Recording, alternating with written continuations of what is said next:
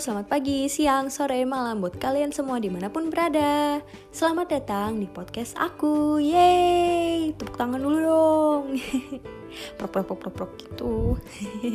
Oke oke, jadi di episode 4 kali ini Aku bakal ngebahas suatu hal yang mungkin kalian mau tahu Aduh, pengen tahu banget nih gitu. Atau mungkin kalian mau tahu lebih lanjutnya. Karena episode 4 kali ini masih berhubungan dengan apa yang aku bahas di episode sebelumnya dan aku emang mau berbagi pengalaman. Yap, aku mau ngebahas pengalaman aku selama ngefans sama aktor-aktor 2.5D.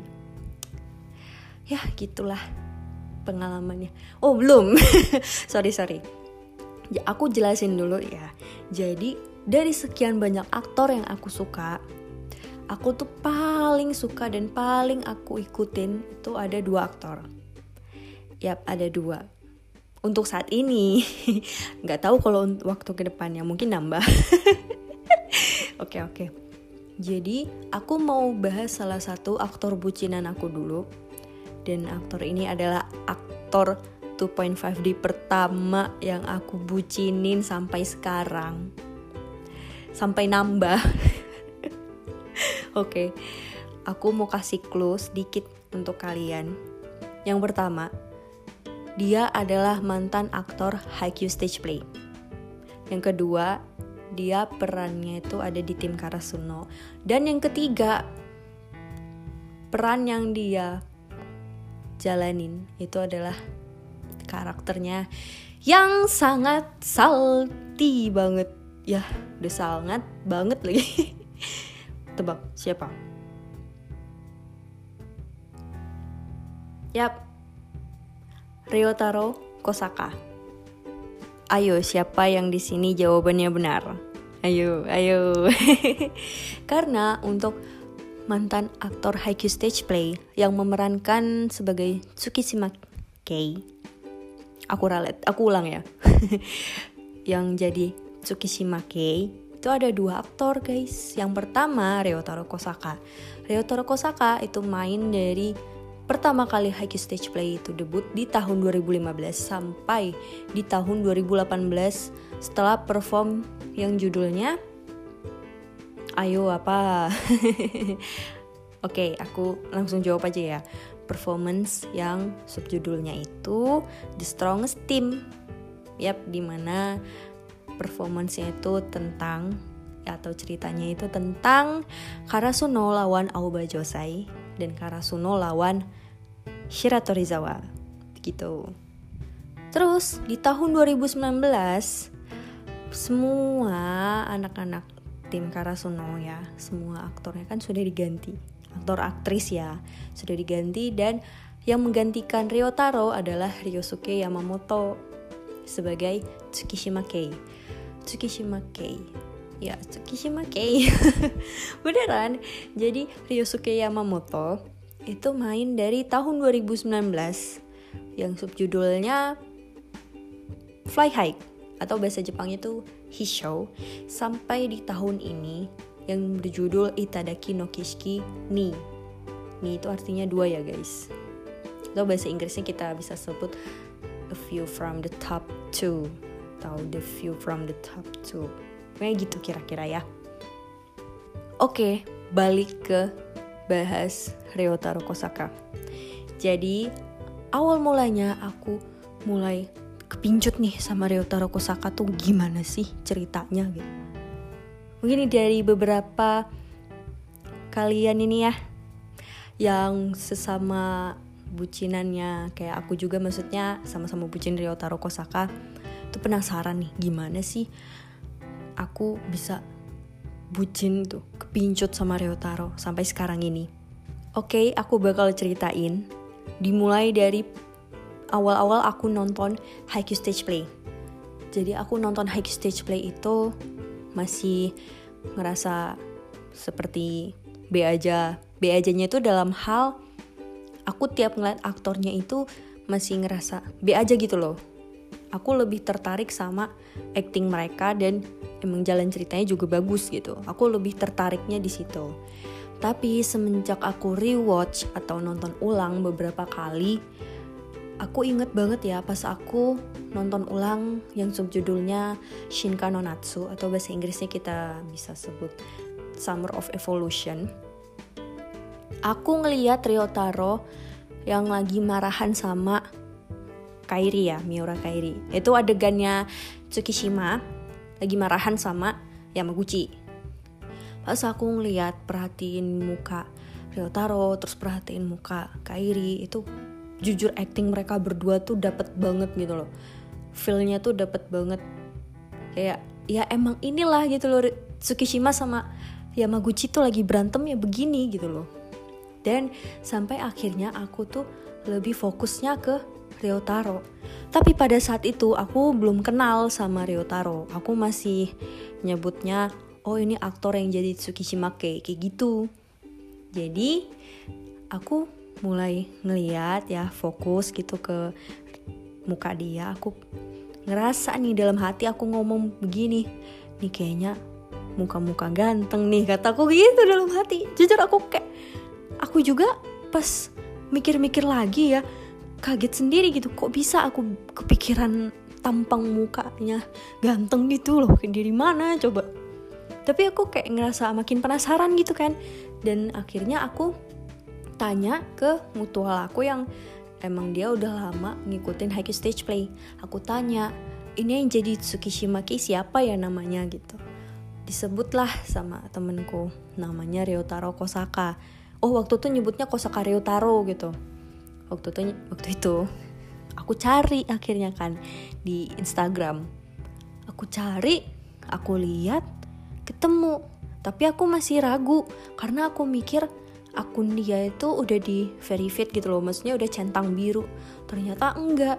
Makanya aku mastiin dulu kayak tanya ke temenku gitu kan. Ini bener gak sih akunnya gitu? Iya bener kok gitu.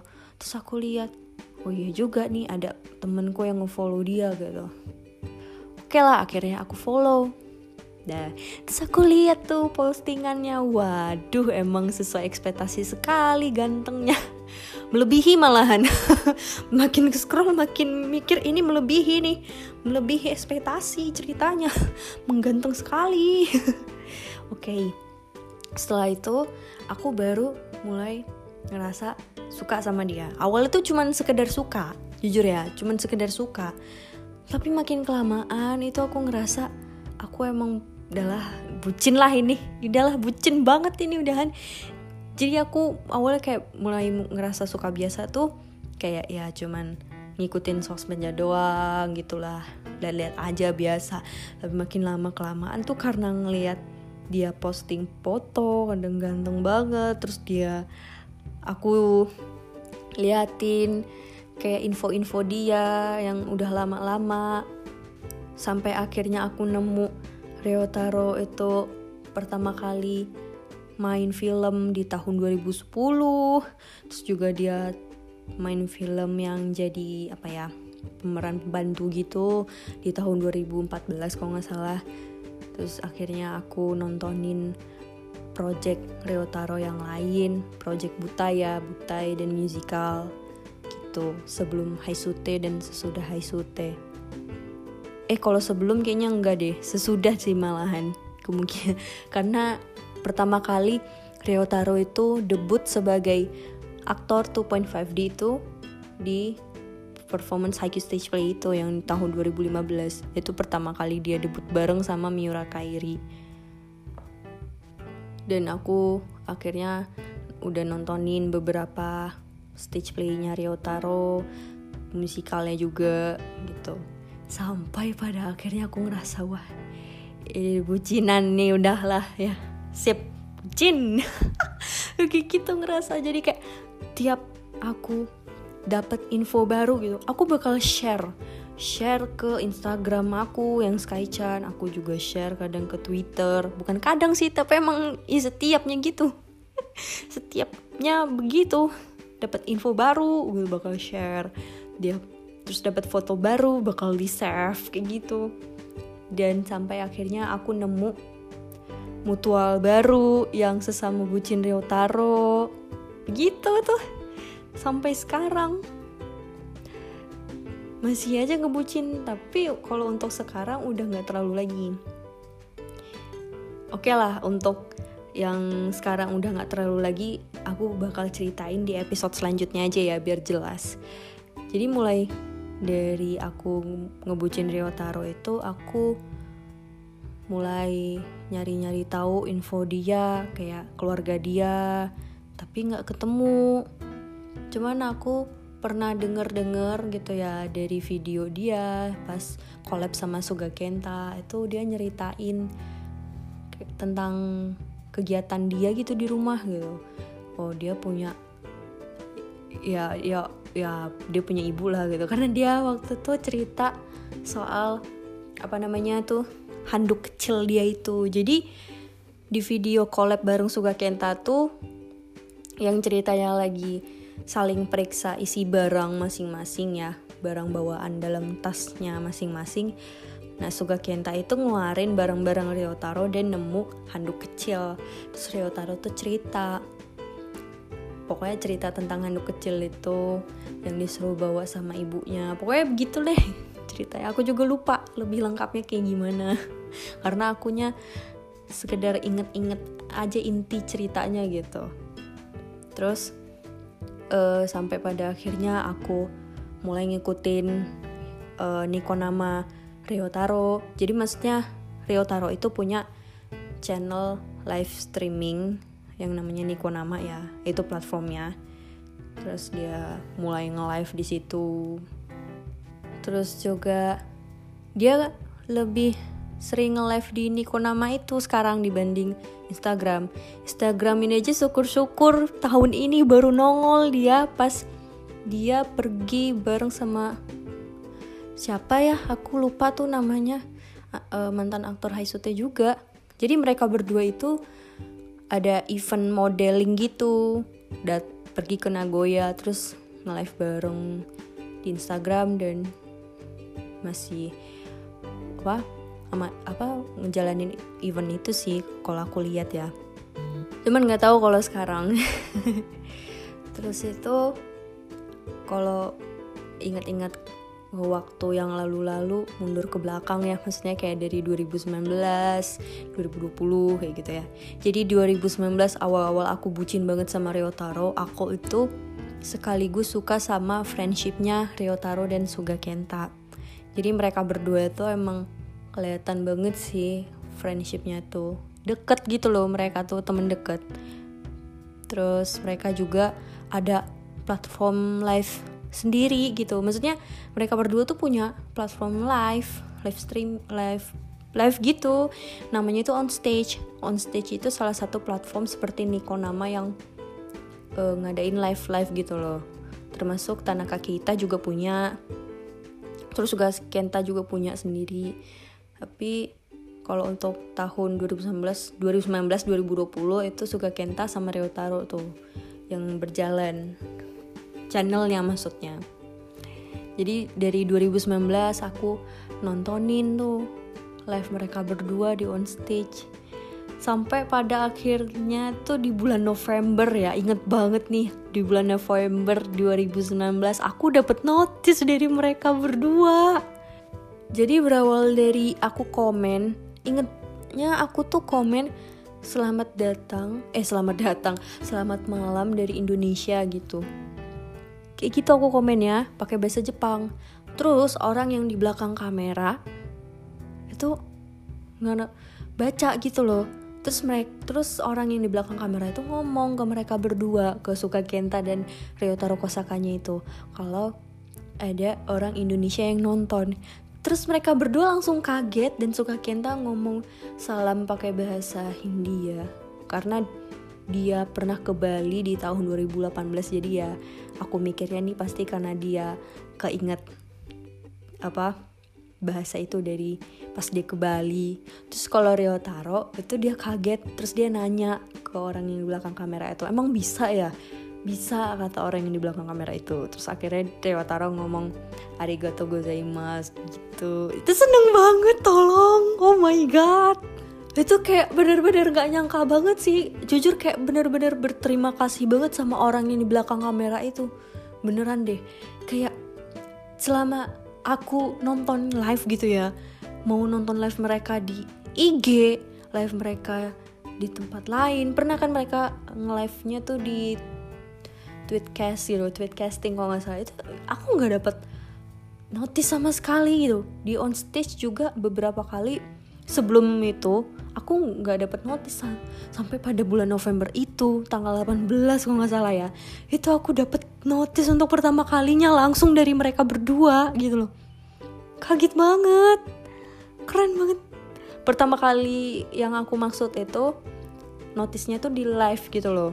Tapi kalau notice kayak dilihat di like itu nggak pertama kali sih. Kalau untuk Suga Kenta aku udah pernah dapet tapi kalau Reo Taro itu setelah aku dapet notice live ini. Oke aku bakal ceritain lah. Jadi setelah aku dapet notice dari mereka berdua itu langsung tuh pas nge-live. Terus di bulan Januari 2020 awal banget ya awal bulan itu. Jadi ceritanya aku lagi bikin IG story itu IG story uh, pasang foto Ryotaro Kosaka yang lagi photoshoot gitu kan terus aku tuh captionnya di IG story itu aku copy paste tweet dia terus aku tag dia. Karena kayak aku ngekutip terus aku kasih apa ya kayak istilahnya apa tuh sebutnya? Dapus ya. Pokoknya gitu kutipan dari Ryotaro pokoknya gitu loh. Tapi aku nggak nulisin nama dia biasa tapi aku ngetek langsung Instagram dia gitu. Terus adalah tiga jam setelah aku post itu di IG story aku lihat tuh ada satu Instagram yang aku bikin kaget gitu. Ryotaro Kosaka. Terus ada nama kanjinya juga kan. Nama kanjinya dulu baru nama ininya Romaji dia. Aku kaget ini beneran dia? Aku buka loh loh loh langsung loh loh loh mulu gitu langsung. Oh my god eh the first time banget IG story gue tuh diliatin gitu. IG story aku itu dilihat sama dia gitu. Gitu sesuatu yang banget banget pakai banget itu ngerasa oh my god ini apa? Gitu kayak nggak nyangka banget. Padahal jujur ya aku itu ngetek dia bukan karena kepengen di notice gitu tapi ya aku pengen ngetek aja gitu. Karena ya itu tweet emang dari dia gitu. Karena kan aku nge-share di Instagram jadi aku kayak ya udah tag aja di IG dia gitu loh. Aku mikirnya cuman sekedar gitu aku tuh pas itu bener-bener nggak nggak ada kepikiran ah, aku ngetek dia karena kepengen banget di notice lah gitu. Enggak jadi maksudnya gini loh kalau ditanya kamu mau gak sih di notice ya mau sebenarnya tapi pas itu aku tuh lagi nggak ada pikiran sama sekali untuk ngetek Ryotaro karena aku pengen di notice enggak gitu loh. Tapi aku cuman buat jadi kayak gimana ya ini kutipan dia loh dari Ryotaro jadi kayak maksudnya eh, nggak uh, perlu ada yang nanya aku lagi loh kayak ini Instagramnya namanya siapa? Karena pernah ada yang kayak gitu. Jadi aku mikir langsung aja tag Instagram dia di IG story itu. Jadi ya kalau yang mau nanya-nanya nggak perlu lagi gitu loh. Jadi udah langsung klik aja klik Instagram dia itu gitu loh. Tapi aku bener-bener nggak nggak nggak nyangka banget gitu loh. Kayak eh dia beneran di notice kata aku dilihat sama dia gitu. Jadi sampai aku SS terus aku sampai heboh sendiri tuh di IG story itu bikin lagi. Oh my god makasih. Ya Allah udah di notice sama aktor Jepang favorit saya. Itu sampai ya ampun ya bener-bener deh. Itu bikin fly banget asli. Terus berlanjut tuh di adalah dua bulan ya setelah itu. Di bulan Maret nih dua hari sebelum aku ulang tahun. Aku ulang tahunnya kan tanggal 8 ya 8 Maret. Di tanggal 6 nya aku itu lagi kangen sama Suga Kenta, Tanaka Keita, sama Ryotaro Kosaka karena di tahun 2019 bulan Desember itu mereka bertiga ngadain event fan meeting gitulah. Dan aku tuh kangen sama fan meeting mereka jadi kayak ngepost foto mereka gitu di IG story dan ternyata dilihat dong awalnya sama Tanaka kita aku masih kayak ngerasa oh oke okay lah Tanaka Keita emang kadang suka ngeliat gitu. Karena sebelum itu aku emang suka ngetek Tanaka Keita kayak yang res apa aja sih kayak lihat postingan dia terus aku kayak ngerespon gitu. Terus dia ngeliat gitu loh. Maksudnya ngerespon tuh kayak oh postingan dia bagus loh ini keren banget ganteng banget kayak gitu. Aku tag IG dia terus dia ngeliat tapi pas aku ngetek Ryotaro Kosaka sama Suga Genta juga Ryotaro ngeliat lagi gitu. Eh maksudnya Ryotaro tuh ngeliat juga. Jadi setelah beberapa menit ya Tanaka kita itu ngeliat aku cek lagi IG story aku siapa aja sih yang ngeliat gitu kan. Kaget tuh di atas apa di bawahnya Tanaka kita gitu ya. Instagram Ryotaro aku lihat lagi kan. Ini beneran Ryotaro nih. Aku buka aku klik eh beneran. Oh my god dua kali. Kedua kalinya ini story aku dilihat sama Ryotaro oh my god oh my god oh my god oh my god. Dan bonusnya IG story aku juga dilihat Tanaka Keita. Oh my god. Itu langsung kayak wow banget. Wow oh my god ketemu lagi deh gue. Ah, gitulah. Begitulah gitu ceritanya. Yang di notice notice itu sampai bener-bener nggak nyangka banget sih. Itu bisa kejadian maksudnya bisa di notice gitu loh. Terus sampai pada akhirnya aku mulai makin melonjak itu rasa bucinan aku sama Ryotaro itu mulai melonjak. Mulai makin bucin. Sampai pada akhirnya uh, Ryotaro itu lagi apa ya um, ada project lain aku ikutin gitu. Dia juga ada event birthday party gitu sih. Event birthday fan meeting gitu. Yang apa namanya gue startnya itu ada ada Ryotar maksudnya ada Shori Kondo Shori. Aku beli videonya aku tonton. Aku saking bucin banget sama Ryotaro tuh makin melonjak setelah dapet notice itu gitu loh. Sampai pada akhirnya aku tuh ada rencana kepengen banget beli bromide atau enggak baju yang didesain sama dia. Karena tahun kemarin dia tuh ngedesain baju. Kalau kalian lihat ya di Twitter jadi dia tuh posting foto bikin tweet juga. Tweet caption terus foto dia itu sama baju yang dia desain. Jadi baju yang dia desain tuh depannya tulisan Hachi eh tulisannya Ichi Hachi Roku Ichi Roku tuh artinya kan 186 nah itu tuh tinggi badan dia. Terus tuh di bagian lengannya itu ditulisin angkanya. Gitu. Tapi karena mahal jadi sampai sekarang aku tuh belum beli. Nggak tahu sih aku belum ngecek lagi. Mungkin udah habis kali stoknya. Sedih sih. Tapi mau gimana lagi? Pas itu emang lagi nggak bisa mau beli langsung gitu loh. Mau beli sekarang gitu nggak bisa jadi aku tuh selama ngebucin Ryotaro juga bermodal kuota sama bermodal beli video. Udah kalau untuk beli barang-barang fisik kayak bromide, kayak merchant lain-lainnya apalagi baju yang dia desain atau sweater. Ya pokoknya pakaian yang dia desain itu itu aku belum pernah beli gitu. Jadi cuman modalnya tuh aku kuota dan beli video gitu. Nah sebelum aku ngikutin Ryotaro uh, sampai di tahun 2020 kemarin maksudnya gini gini aku itu sempet ada ketertarikan sama actingnya Ryotaro di performance stage Token Rambu. Kenapa? Karena sebelum eh sebelum pas sesudah ya ya sesudah aku di notice sama Ryotaro yang live on stage itu aku tuh emang udah mulai bucin banget. Sampai akhirnya aku nyari-nyari ya kan info-info yang dia performance tuh selain di Haikyuu stage play di mana aja sih. Nah aku nemu salah satu video yang di share di Instagram sama orang.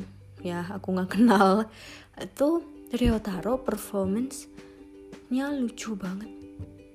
Maaf ya aku maksudnya kepikiran banget nih perform performance dia penampilan dia tuh lucu banget kocak banget.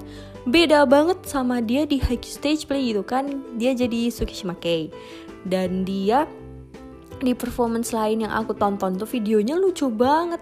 Jadi kayak ini beneran Ryotaro gitu loh mikir. Padahal ya dia emang namanya juga acting kan. Apalagi dia emang mungkin emang ya ya dia dapet caranya emang kocak lucu. Cuman aku bener-bener gak nyangka loh kayak ini beneran Rio Taro nih.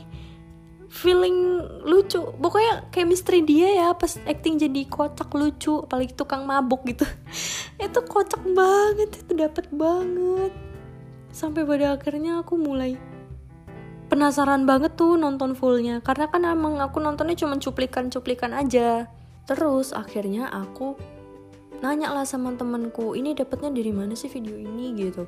Terus temenku ngasih tahu bla bla bla segala macam. Oh dan akhirnya aku beli tuh videonya. Tapi emang dapat video performance doang sih pas itu. Ya udahlah nggak apa-apa. Emang pada niatnya juga aku mau nonton full videonya gitu loh. Perform apa penampilannya aja gitu. Terus aku nonton. Tapi pas aku nonton tuh dari awal sampai akhir tuh nggak mikir banget sama jalan ceritanya maksudnya nggak terlalu nyambung nggak terlalu paham ya bisa dibilang. Karena kan yang pertama itu stage play bukan yang aku ikutin pas itu. Kalau sekarang udah aku ikutin. Dan yang kedua aku tuh lebih fokus sama Ryotaro Kosakanya aja. Gitu loh. Padahal di di situ ada anak-anak mantan Haikyuu stage play selain Ryotaro. Kayak Naoki ya Takeshi Takeshi Naoki terus ada Wada Masanari ada Masa Fumio Koyama. Dia sih ber berempat tuh sama Ryotaro. Iya berempat. Dan aku lebih fokusnya ngeliat Ryotaro karena emang lucu banget ngeliatnya gitu. Jadi mikir oh my god ini Ryotaro kocaknya dapet banget gitu dan akhirnya aku ngerasa wah ini Ryotaro bener-bener kocak banget deh asli gitu. Makin saya makin uh makin love gitu pada saat itu. Sampai mikir lagi ah gasin lah gitu. Cari lagi performance atau penampilan Ryotaro yang lain di stage play lain di musical kayak karena aku pengen lihat juga Ryotaro nyanyi gitu. Terus akhirnya aku nemu. Itu dia kayak stage play apa eh iya sih kayaknya stage play tapi stage play apa musical gitu. Aku juga agak-agak lupa judulnya. Tapi pas itu ada adegan Ryotaro nyanyi. Tapi nyanyinya tuh nyanyi kayak agak serem gitu. Cuman aku dengar suaranya bagus sih. Apa ya suaranya nggak nggak melenceng melenceng amat nadanya gitu. Maksudnya ya bagus lah gitu. Sama sambil acting gitu loh keren deh pokoknya deh. Nggak tahu lagi mau ngungkapinnya pakai kata-kata tuh bagaimana. Sampai pada akhirnya aku juga pernah nemu video dia itu fullnya. Nggak full nyanyi sih maksudnya kayak full kayak kayak apa sih?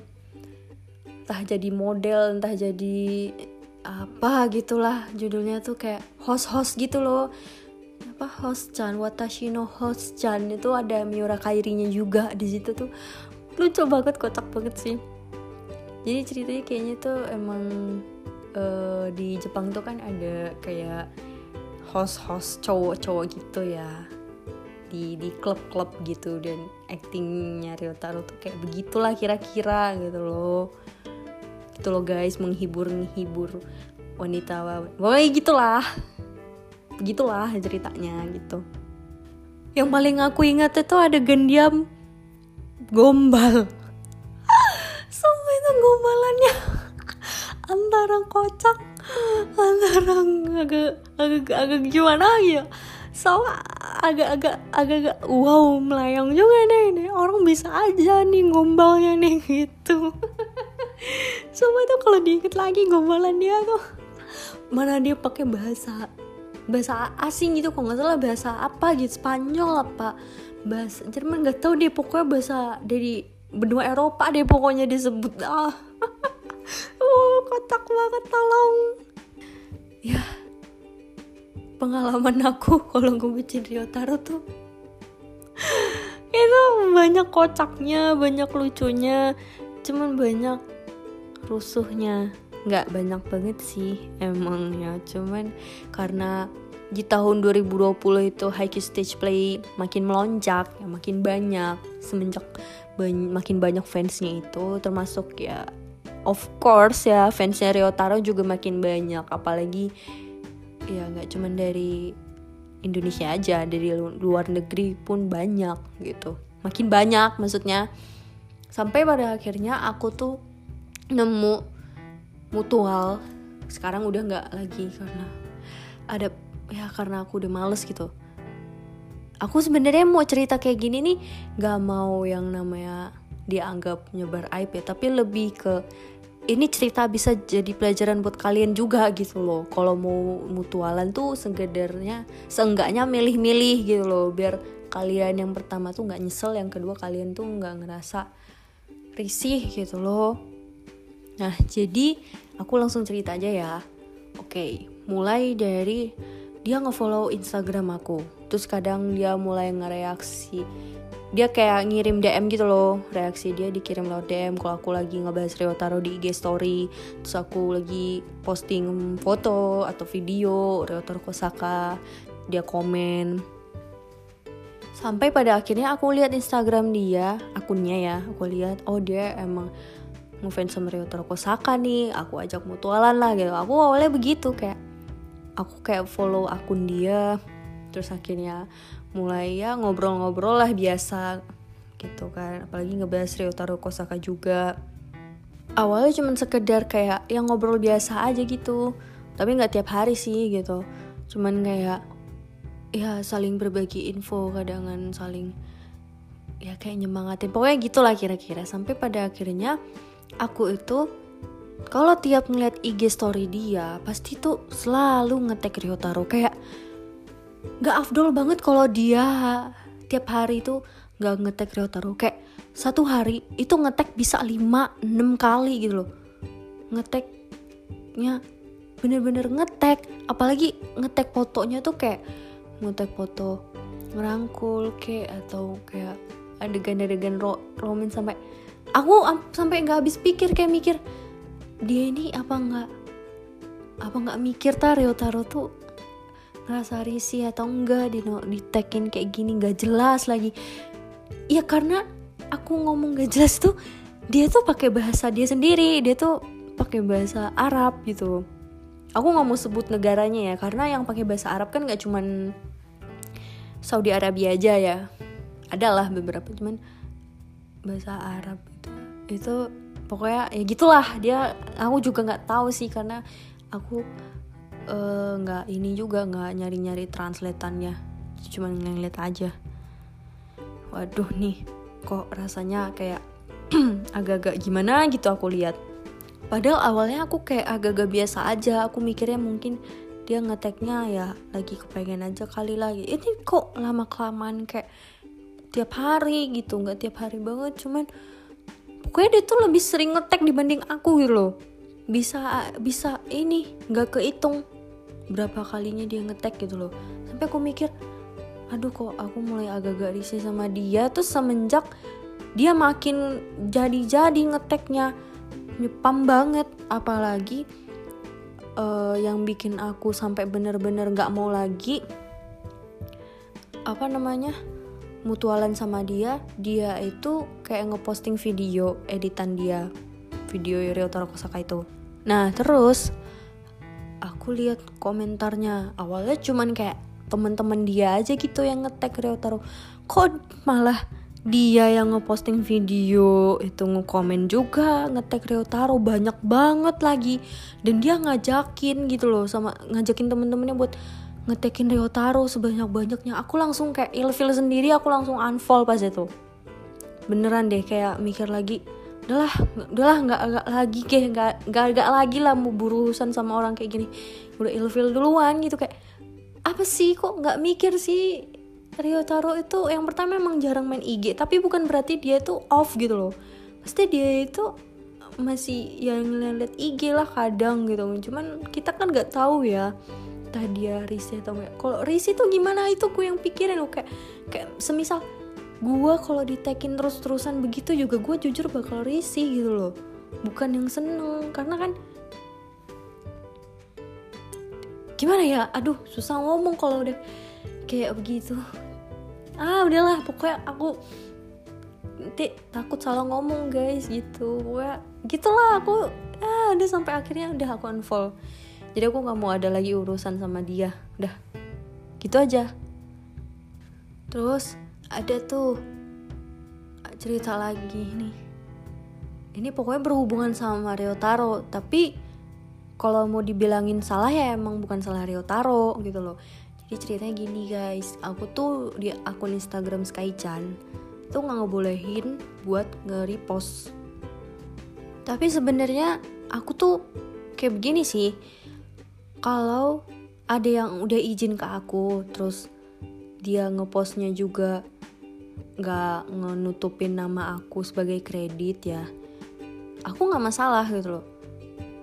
Tapi kalau nggak izin dan dia nutupin nama aku sebagai kredit dia langsung repost aja gitu ya aku bakal marah dong gitu. Aku yang nggak terima gitu kayak apa sih ini postingan yang aku bikin aku maksudnya aku translate aku edit kok. Nggak ada apa-apa nggak ada omongan gitu loh. Malah main di repost aja apalagi nama aku sebagai kredit tuh dihilangin kayak di cut gitu loh. Kayak dipotong videonya gitu loh. Jadi biar nama aku tuh nggak dikeliat nggak kelihatan gitu loh. Itu langsung jujur sampai ngebuat aku tuh bener-bener berhenti sementara untuk ngikutin Reotaro berhenti sementara untuk ngeposting share-share info seputar Ryotaro pada saat itu di akun Skychan aku bener-bener kayak udah udahlah nggak ada nggak mau lagi gitu. Berurusan sama orang-orang yang begitulah gitu. Kayak aku mikirnya kok segampang itu sih nge-repost? Ya ya emang gampang cuman itu aku videonya ya aku translate langsung dari omongan dia bahasa Jepang ke bahasa Inggris dan Indonesia itu ada loh tiga hari. Padahal itu video durasinya nggak nyampe satu menit. Aku sampai ada tiga harian itu nge-translate biar bener-bener ngecekin. Ini omongan Rio Taro pas nggak sesuai nggak sama yang aku translate. Kayak usaha aku tuh kayak main dicuri aja gitu tanpa aduh udah deh nggak ngerti lagi itu langsung bikin ilfil banget ngedown banget sampai akhirnya aku bener-bener itu tadi aku bilang aku nggak mau lagi ada urusan kayak ngikutin Ryotaro untuk sementara waktu posting apa pun seputar Ryotaro untuk sementara waktu di akun Skychan itu. Ya sampai pada akhirnya di bulan Oktober 2020 aku mulai belok alias oleng ke aktor bucinan aku yang kedua dan untuk ngebahas aktor bucinan aku yang kedua, aku bakal bahas di episode selanjutnya. Jadi tunggu aja ya. Dan segitu dulu cerita aku seputar pengalaman aku yang ngefans, yang ngebucin sama Ryotaro Kosaka. Kalau untuk sekarang ini masih tenang aja, tapi untuk sekarang ini aku lebih fokus ngebucinnya ke aktor yang kedua. Gitu guys. Oke ya. Jadi sekian dulu, makasih banget udah dengerin sampai selesai. Dan kalau misalnya kalian ada yang mau ditanya atau kalian ada yang kurang jelas atau kurang paham atau mau request atau mau kasih saran pun silahkan kalian bisa DM aku ya lewat Instagram di username DYSADHL atau username satu lagi RKSKY underscore. Ditunggu okay. jadi Makasih banget ya sekali lagi arigato gozaimasu. Arigato gozaimashita. Ja, matane konbawa karena ini udah malam. Aku bikinnya malam ya. Tapi untuk kalian semua yang denger mau di pagi hari, siang, sore, malam. Goodbye ya guys. Bye, sampai jumpa lagi. See you di next episode. Bye.